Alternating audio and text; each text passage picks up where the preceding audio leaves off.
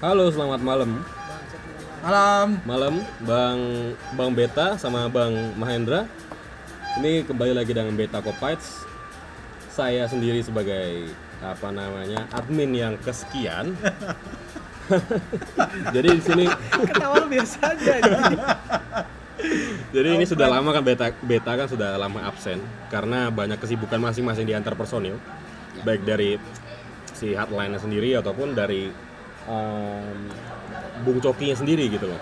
Jadi untuk podcast kali ini, podcast yang keberapa? Sekian. Bung Beta yang kesekian.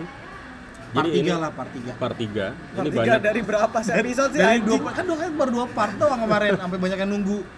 Iya, makanya. Emang ya. bener banyak yang Banyak yang nunggu? nunggu. Banyak yang nunggu. Amin. Jadi kita banyak materi yang perlu dibahas untuk untuk malam ini. Oke. apa Karena aja, kan? Karena kan situasi sekarang kan banyak yang perlu dibenahi sebenarnya dari baik dari lingkungan eksternal maupun internal gitu loh. Yang pertama mengenai media, media yang bisa dipercaya, yang reliable Oke. ataupun tidak di Inggris ataupun di, di luar Inggris. Jadi kan banyak kan media yang mengabarkan berita ini, berita itu, baik transfer ataupun ataupun eh, berbagai macam lah seperti itu. Yang kedua mengenai peluang Liverpool, kayaknya kita sudah tahu kita di satu grup dengan Sevilla, kemudian Maribor, kemudian satu lagi Spartak. Spartak Moskow. Jadi bagaimana pendapat dari Bung Hardline Bu hardline, bu hardline. Lah, bu hardline. Bu. dari pendapat dari Podcast Bung gue Beta dibajak, Bu. sama Mas Coki Bung gitu. Coki, Bung Coki. Mm-mm. Kemudian peluang untuk peluang Liverpool sendiri sudah tahu kan kita grupnya siapa aja Ya. peluang untuk lolos ke knockout 16 besar itu bagaimana? Oke. yang ketiga kita kan sekarang yang jadi permasalahan di Liverpool itu baik back ataupun midfielder. Midfielder kan kita sudah tahu yang sering dipasang. Yang dan pasti line up itu karena banyaknya cedera dan adanya Coutinho yang masih ogah-ogahan pasti ada Henderson, Can sama Gini gitu kan jadi Oh, mane um, mane. Mana nih, mana nih? jadi apakah Oh, perlu ada mane, tambahan mane. ataupun bagaimana sih nasib tiga orang ini seperti itu kemudian Ini udah masuk belum sih? ini Belum, masih ini lama betul ya. Nah, kemudian kita bahas tentang possibility Coutinho, apakah dia akan bertahan ataupun dia akan keluar. Eh, Intro 2 menit anjing. Kemudian ada namanya mengenai squad depth. Oke. Apakah kedalaman squad ini tadi kan ada request tuh. Nah, Apakah kedalaman squad ini cukup mumpuni untuk berlaga di empat kompetisi? oke. Itu aja sih. Secara garis besar Itu aja. sih. Oke, Jadi kalau yang pengen dibahas pada yang pertama ini mengenai media dulu sih karena kan yang lebih simpel-simpel dulu aja gitu. Jadi menurut Bung Beta sama Bung Coki media yang bisa dipercaya, yang trust yang trustable ataupun reliable di Inggris ataupun di luar ataupun yang tidak bisa dipercaya tuh yang seperti apa sih? Pertama cuma satu sih, Ah, Tuhan.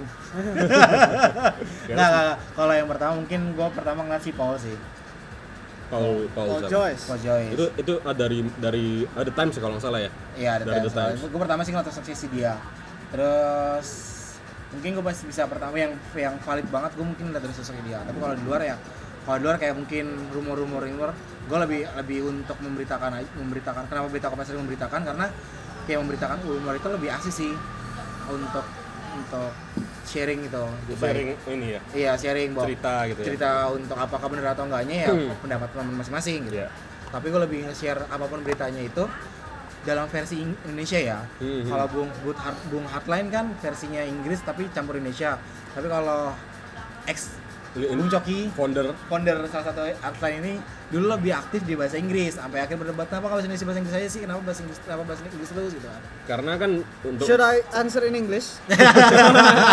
karena sih lebih begini sih karena kan follower follower dari Ya, ya. FC sama LFC Arlan kan itu kan dari data dari luar. em, ada yang dari luar ada yang dari Indonesia gitu jadi lebih menyesuaikan dengan bahasa yang ini aja sih bahasa yang apa Semua orang tahu. semua orang tahu gitu ya.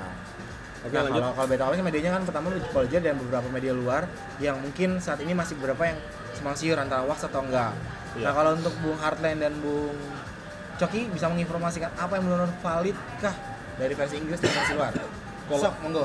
kalau kan ini sekarang baik dari dulu atau ataupun sekarang Oke. itu banyak ITK gitu kan?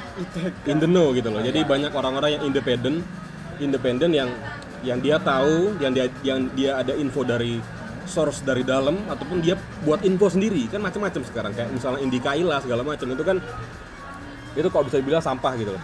Kayak Indikaila ataupun em, macam-macam kayak 90 90 90 90 itu kan dia ada lagi itu kan apa ya itu nggak nggak nggak reliable Contoh-contoh gitu contoh-contoh medianya aja kayak Medianya, Oke. ada medianya apa? Nah, kalau yang misalnya yang dipercaya sih, yang pertama, kalau in the know, independen itu, gue lebih percaya sama Graham Kelly gitu.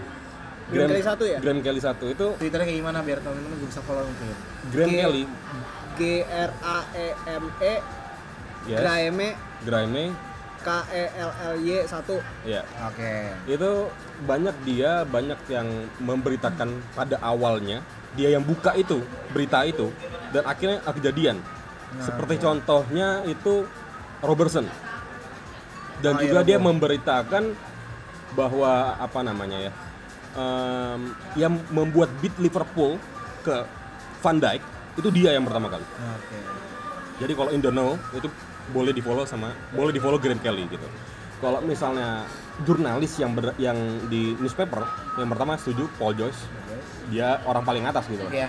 tulisannya. P A O underscore dulu. Underscore underscore Paul. Nah, nanti underscore. nanti di mention aja di Iya, dari- Beta Copite ya. Pertama uh, Paul Joyce itu dia dari The Times. Yang kedua itu bisa juga follow Dominic King, Dom King itu dari Daily Mail. Daily Mail. Oke. Ketiga Andy Hunter Oke. itu dari Guardian. Nah, kalau yang dari luar-luar dari Brazil, dari Spanyol segala macam bla bla bla itu Sampah. em, taruh di ini aja lah, taruh di Tempat sampah. tempat sampah aja Nah, gitu. berarti hoax lah ya. Nah, kalau misalnya di dalam klub sendiri, ya itu semua orang sudah tahu lah ya, Melissa Reddy sama sama James Spears. Tapi dia lebih memberitakan kalau Mel- Melissa Reddy itu lebih memberitakan apa yang terjadi di dalam klub klub itu sendiri instead of transfer activity. Oke. Itu aja sih. Kalau Bung Coki menambahkan? Eh, udah terjawab semua sih. Paling cuma nambahin kalau jangan percaya tuh berita dari Express, dari Daily Star, Sky Sport. Sky Sport Sky Sport oke lah. bener loh. sempat dia, ada- dia yang memberitakan nih um, Coutinho. Coutinho yang Coutinho. handed handed transfer re- Iya, request. iya. itu. Iya itu aneh banget yang bikin yang cari email itu ya, yang ngirim email itu kan katanya. Jadi Iya. Coutinho katanya ngirim email. ngirim email itu bener dia tapi pertama kita nggak percaya karena James Pierce itu sama Melissa Reddy kalau nggak salah dia bilang nggak nggak nggak ada Coutinho handed transfer request gitu Tapi kan. kalau kalau ngirim email beneran itu. juga nggak bilang seperti itu James Pierce Oh. Tapi pada akhirnya Melissa sama James Pierce itu bilang Coutinho handed transfer request Oke. Sky emang Sport tuh kadang bener juga ada benar juga. boleh lah dipertimbangkan Nah, itu, itu, itu, itu untuk media-medianya ya boleh di follow lah. Ntar gue beberapa kali mungkin aku mention. Oke, itu membahas yang pertama untuk materi. Yang kita nggak bahas untuk peluang UCL yang kemarin habis drawing. Kita ada ada tiga tim yang akan kita lawan dan itu jaraknya jauh-jauh. Jaraknya jauh-jauh. Jauh-jauh banget itu dan Jauh-jauh. kedua kita nggak pernah nonton di TV. ya TV lokal atau baik di Bein Sport satu pun mungkin nggak nggak akan ada gitu. Bakal streaming. Peluang untuk 16 besar untuk Bung Hartline dan Bung Coki. Pendapat kalian? silakan Mas Monggo. Yofi dulu mungkin Eh, sebenarnya kalau kans untuk lolos gede sih, gede banget dibanding tim-tim yang lain gitu kan. Ya. Cuman eh, yang perlu diwaspadain itu sebenarnya adalah gimana Liverpool bisa ngelawan tim-tim yang justru notabene lebih kecil dari lebih lemah Iya, daripada dari Liverpool sendiri. kalau kita lihat Hoffenheim kemarin itu gila orangnya kayak sungguh naif ya Ya. bener-bener pakai high defensive line waktu lawan Liverpool makanya bisa diacak-acak di menit-menit pertama Enak banget tuh kacang-kacangnya tuh. Iya. Bisa gol di menit 10. cuman apakah tim-tim yang kayak Spartak Moskwa itu mau bermain kayak gitu gitu kan Maribor apalagi Kita nggak pernah tahu bakal sampai sekarang. Iya, Sevilla kemarin sempat ngalahin kita di final Benar. Europa League juga diwaspadai mesti. Cuman kalau dari segi di atas kertas sih mestinya kita bisa lolos ya. Bisa lolos. Nah, kalau untuk Bung Kevin, Bung Hartline, Jadi kalau untuk grupnya itu sendiri itu harusnya piece of cake ya. Jelas itu itu easy. pasti Harusnya easy. Karena kalau dilihat dari koefisien peringkat apa namanya UEFA itu grup E itu paling tinggi. Dalam artian Paling rendah. iya maksudnya itu peringkatnya tinggi gitu loh Oh iya. peringkatnya tuh yang sampai Iya.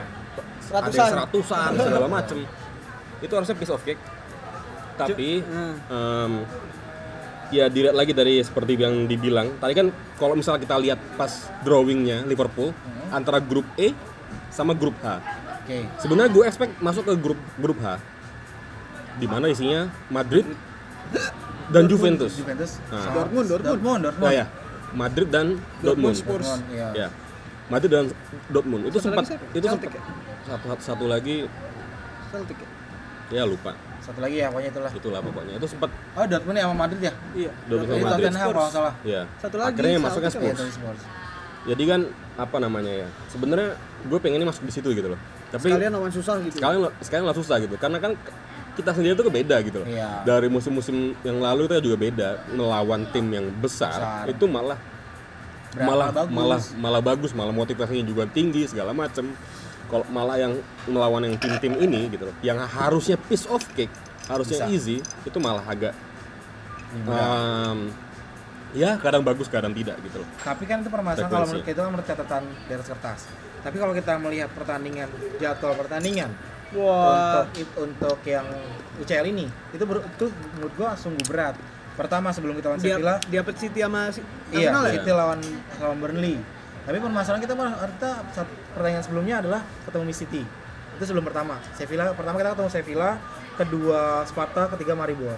Tapi ketemu sebelum ketemu Sevilla itu kita ketemu City. Kedua kita setelah pas Sparta kita ketemu Leicester. Setelah Leicester baru ketemu MU, baru Maribor. itu Nah, peluangnya menurut gua peluang peluangnya artinya sebelum pertandingan penting UCL, mereka juga menghadapi pe- pertandingan yang penting di Liga. BPL di liga. Dan menurut gua secara nggak langsung yang ini akan mereka akan klub akan berjudi nih untuk menurunin pemain. Lebih pentingin IPL kah? Atau melenting lebihkan UCL menurut kalian berdua? Sebenarnya itu apa ya naif juga sih menjawab lebih penting mana gitu. Iya. soalnya Madrid juga ya kita nggak bisa bandingin Liverpool dengan Madrid gitu. Madrid yang tim besar ya gue anggap Liverpool tim besar gitu. Iya. Madrid aja bisa me- bisa menyeimbangkan kompetisi empat ti- eh, Empat- em- empat- empat kompetisi ya. itu gitu. Jadi ini balik-balik ke ke squad depth.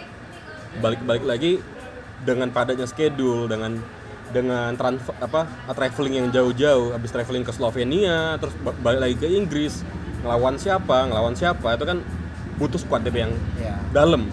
Nah itu yang akan kita bahas nanti gitu loh. Ah, maksud gua, maksud gua kira-kira aja poinnya poinnya sapu bersih atau gimana menurut kalian?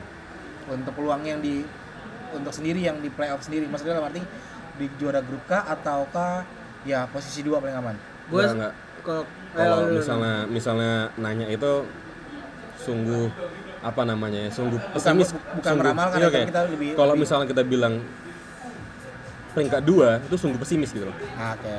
Harusnya top of, top of group harusnya. Eh, pertama. Nah, kemarin juga pas abis drawing gue juga beberapa ada orang juga mention ke gue ya. Sebenarnya gue bilang gue cuma nulis lolos. Cuma ada beberapa orang yang bilang maksudnya harus juara grup harus juara grup gitu. Iya. cuman balik lagi tadi bener apa yang insight yang dikasih sama beta bener sih menurut gue itu tricky banget sebenarnya apa namanya eh, jadwalnya. Jadwal Iya. kita pas jawat liga dan harus dempet-dempetan dengan jadwal eh, Liga Champions. Iya. kalau juga pengen tahu ini sebenarnya jadwalnya. Kayak lu lihat sebelumnya kita harus away ke Leicester, ke Leicester terus away ke Spartak away lagi ke Newcastle.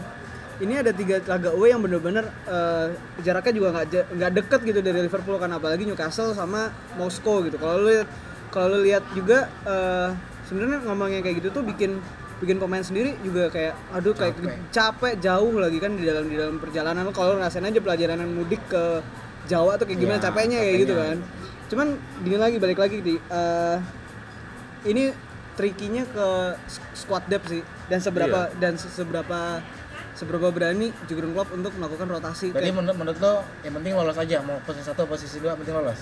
Kalau posisi dua itu Enggak artinya kita bakal ketemu sama juara-juara grup yang mengerikan-mengerikan itu kan. Ah, oke, berarti kita harus menjadi posisi satu juga. Harus posisi satu juga. Makanya ini gimana nanti Liverpool dan FSG tentunya untuk melakukan transfer di beberapa hari Atau- terakhir nih. atau jangan-jangan FSG spend money yang harusnya spend money untuk Van Dijk sama siapa? Naby sama Keita. Naby Keita. Dia spend untuk ini untuk untuk Jalan-jalan. bukan untuk untuk spend untuk di di ngefixing grup E itu sendiri. gitu. itu, itu juga gue gue juga masih gue juga masih mikir sih. Ujung, ya pasti. Gue juga masih mikir sih ini ini duit Cristiano Ronaldo belian dari ke Real Madrid itu kayak buat match fishing sampai MU sampai zaman sekarang gila masuk grup A lawannya. grup masih grup gampang gampang gitu. Pasti gampang ya Benfica Basel aman apaan sih banget anjing? aman banget maksudnya aman. Jadi maksudnya kita juga pun nggak aman banget kan. Maksudnya kita juga maksud gua ya peluangnya peluang peluang untuk ini berarti sama-sama lolos dan sama-sama ya open group lah ini menurut gue open group open open group. open Nah, group kita tadi ngebahas tentang transfer. 6 hari ini menurut kalian akan dapat pemain kah atau nggak sama sekali? dapat dapat udah dapat pemain satu kan kata Jurgen Klopp James Milner James Milner James Milner will be back in midfield kan dia bilang gitu kan Iya, it's jadi- like it's like a new signing for us kan tai ya. Ba- balik lagi ke midfielder tapi Eh, permasalahannya bentar, bentar, bentar, bentar. Kalau gue ngomongin James Milner, kemarin pas lawan Crystal Palace ada yang nonton nggak?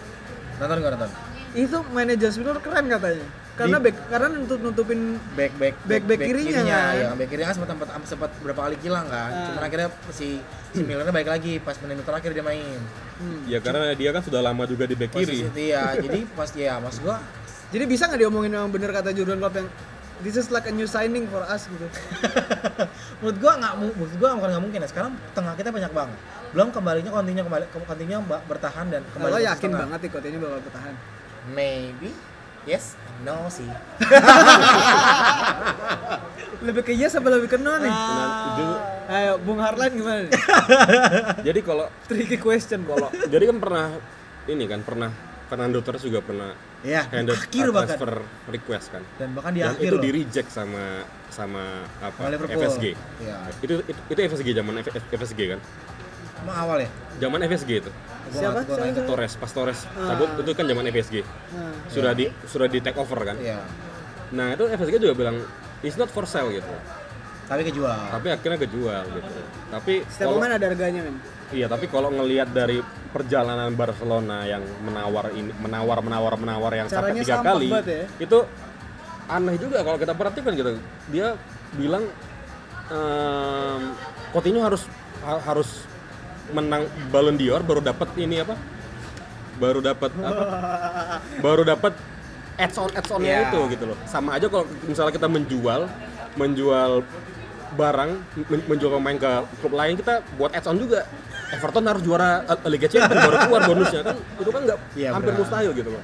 Jadi kalau misalnya mungkin ya kalau misalnya Barcelona langsung nawar 100 berapa sekian gitu upfront duit cash di depan itu itu tidak mungkin ada kemungkinan PSG menerima upfront ya tapi ya nggak ada bonus-bonus itu upfront mungkin ya Cuman masalahnya yang mau ganti siapa gitu. Kalau misalkan mau ngejual Coutinho tanggal 27 atau tanggal 28 itu kayaknya kesannya kayak panik buying iya bakal Maksudnya panik buying, bakal ada Liverpool akan- Iya, bakal akan ada bakal- Mario Balotelli lagi. bakal mengulang Andy Carroll 2 gue lebih gue lebih mention Mario Balotelli aja sih. ah, iya sih udah udah Mario Balotelli itu parah Oh mane mane.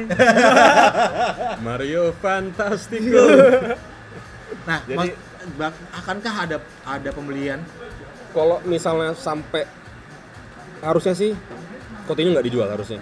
Harusnya ya menurut hardline harusnya nggak nggak dijual karena siapa sih yang mau gantiin gitu? Ya. Pemain mana lagi? Kalau gue ngarepnya sih pasti Asensio. Jelas. Release clause-nya 79 ya apa tebus lah. million million pounds gitu. ya ketebus Kan lah harusnya. kita ya ketebus lah. Kita bayar kita bayar 7 79 million pounds. Kita bayar dia jadi highest earner di Liverpool harus bisa dapat dengan penjualan Coutinho. Ya itu lagi balik-balik. Kalau misalnya dari dari itu kesempatan pemain juga dari kan? faktanya sih akan susah. Ngapain dia pindah ke Liverpool gitu ya? Bakal turun downgrade jatuhnya Justru kalau menurut gue Liverpool sekarang punya peluang yang sangat besar buat dapetin pemain-pemainnya ya.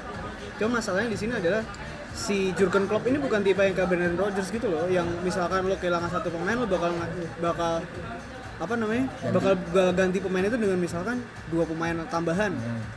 kayak gitu loh ngerti kan? Jadi kalau misalkan lo mau gue maunya Nabi Keita ya harus dapat Nabi Keita. Pengennya dapat pengennya dapat Virgil van Dijk ya harus Virgil van Dijk gitu loh. Kalau nggak dapat malah nggak beli ya, kalau nggak dapat kayaknya Jurgen Klopp juga bakal pasrah aja pakai yang sekarang kalau menurut gue kayak gitu ya sih. emang emang, begitu dia bilang kan kalau sama kayak berarti kayak waktu kayak waktu Januari Iya, cuman masalahnya gini loh, masalahnya gini, Liverpool sekarang punya nilai tawar yang tinggi kalau menurut gue. Kenapa? Udah fix masih Liga Champions, men. Jadi ma- ma- jadi udah bakal pemain yang dibeli pasti harganya Nah, melonjak. itu yang gue pikir juga Coutinho bakal mikir dua kali sih. Dia bakal main Liga Champion jelas. Iya. Dia lihat komposisi pem- komposisi pemain-pemainnya juga jelas. Ya. Kemarin lawan Hoffenheim tanpa Coutinho pun kalau menurut gue kita bisa jual. Bagus banget. Bagus banget. Bagus banget. Harusnya Barca nawarnya Mane sih. Bukan Coutinho Oh, sih. mane mane. Harusnya nawar Mane untuk untuk gantiin posisi Neymar di di di apa front three depan harusnya nawar Mane Nah, bukan- bukan masalahnya, Coutinho. masalah men kalau menurut Ana, kalau menurut gue nih ya. Kalau menurut gue, lo kalau seberapa lebih penting mana sih sekarang kalau ngeliat cara mainnya kayak gitu Coutinho apa Mane? Coutinho lah. Lebih penting mana? Coutinho apa Mane sebenarnya di, di Oh? Mane. Kalau secara overall kan kan kita baru lihat kemarin aja. Oh, enggak, three- musim mid- lalu? Enggak, diam dulu. Jadi kalau misalnya enggak gini gini. Jadi eh, midfield 3 yang bagusnya itu kan baru kemarin aja yang ada perputaran dari Ya. tiga itu kan baru Hmm. pertandingan lawan Hoffenheim. Selebihnya kan kita tuh Naik turun kan. apa ya kreativitas di tengah tuh nggak ada gitu loh. Ya, naik turun. Gak ada Kreativitas di nyawanya tengah tuh gitu ya. kayak kayak nggak ada jantung ritme pemain kayak nggak ada jenderalnya gitu. Sparklingnya kurang, sparkling. Sparklingnya benar. Jadi lebih masih penting Coutinho sebenarnya dari Mane. Mane itu bisa diganti posisinya sebenarnya. Kalau menurut kalau menurut gue nggak bisa diganti Mane. Kemarin tahun lalu kita lihat sendiri Mane Kehilangan Mane. nggak ada Oke. kita kita hilang berapa poin Januari sama Februari itu. Oke. Kehilangan tiga pemain. Kalau- Kehilangan kehilangan tiga laga.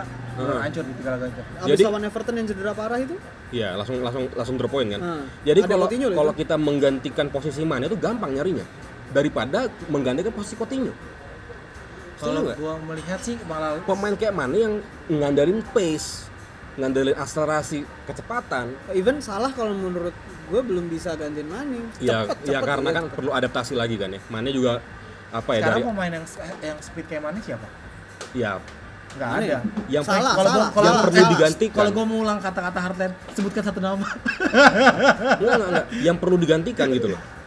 Kayak kayak Coutinho siapa yang, yang bisa mau, mau gantiin gitu. Kalau misal kreativitas di tengah. di dalam tim apa di di, di luar tim kalau di dalam tim kan ya kita lihat lah. Midfield three kan cuma muter-muter itu aja. Iya. kayak kemarin kan muter. Cuman di game itu aja yang baru teruji gitu loh.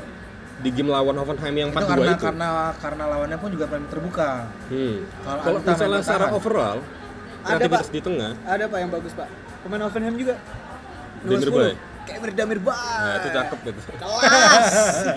Ya, tapi, mak- mungkin nggak mungkin dia pindah. Iya, maksudnya tuh ya kalau lebih pentingnya mana, gue masih milih Coutinho untuk sebagai di midfield daripada Mane yang di depan gitu loh. Dua-dua sama penting.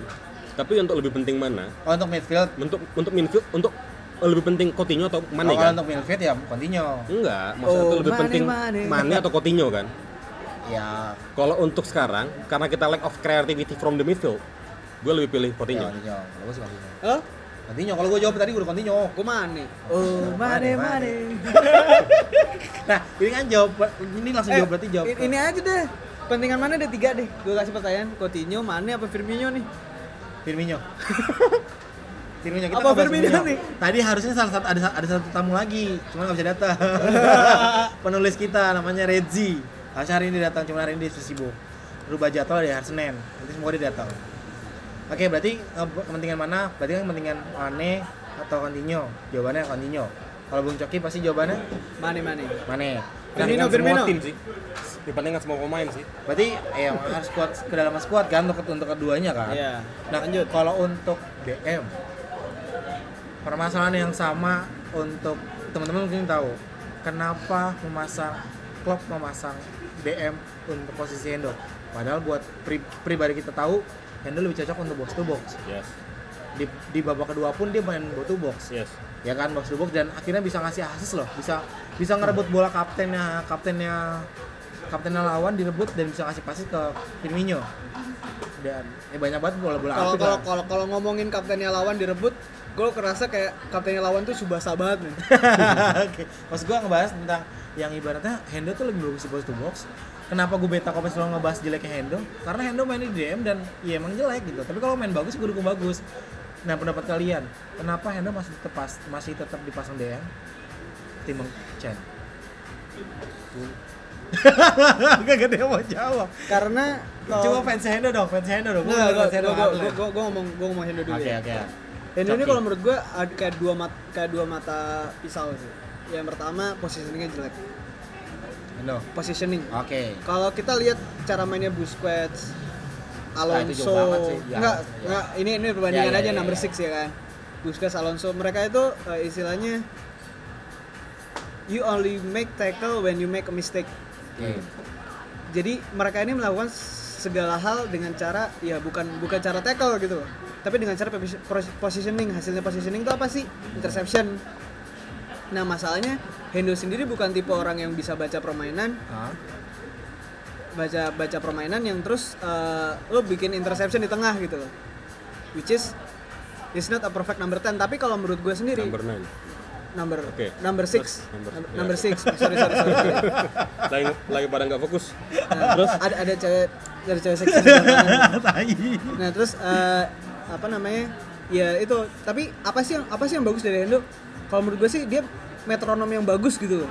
Dia bisa passing kapan dia harus passing ke kanan kapan ke kiri ke belakang ya walaupun banyak ke belakangnya daripada ke depan ya kan? Walaupun ya tapi di dalam tim yang menurut gue yang masih yang masih paling oke dalam jadi metronom itu adalah kapten kalau gue ya. Dan pemain lain yang di Liverpool belum ada yang sesrek itu sih jadi metronom kalau buat gue Oke, Kalau untuk Bung Coki, teman. Kalau untuk tentang fans ya, handle lovers.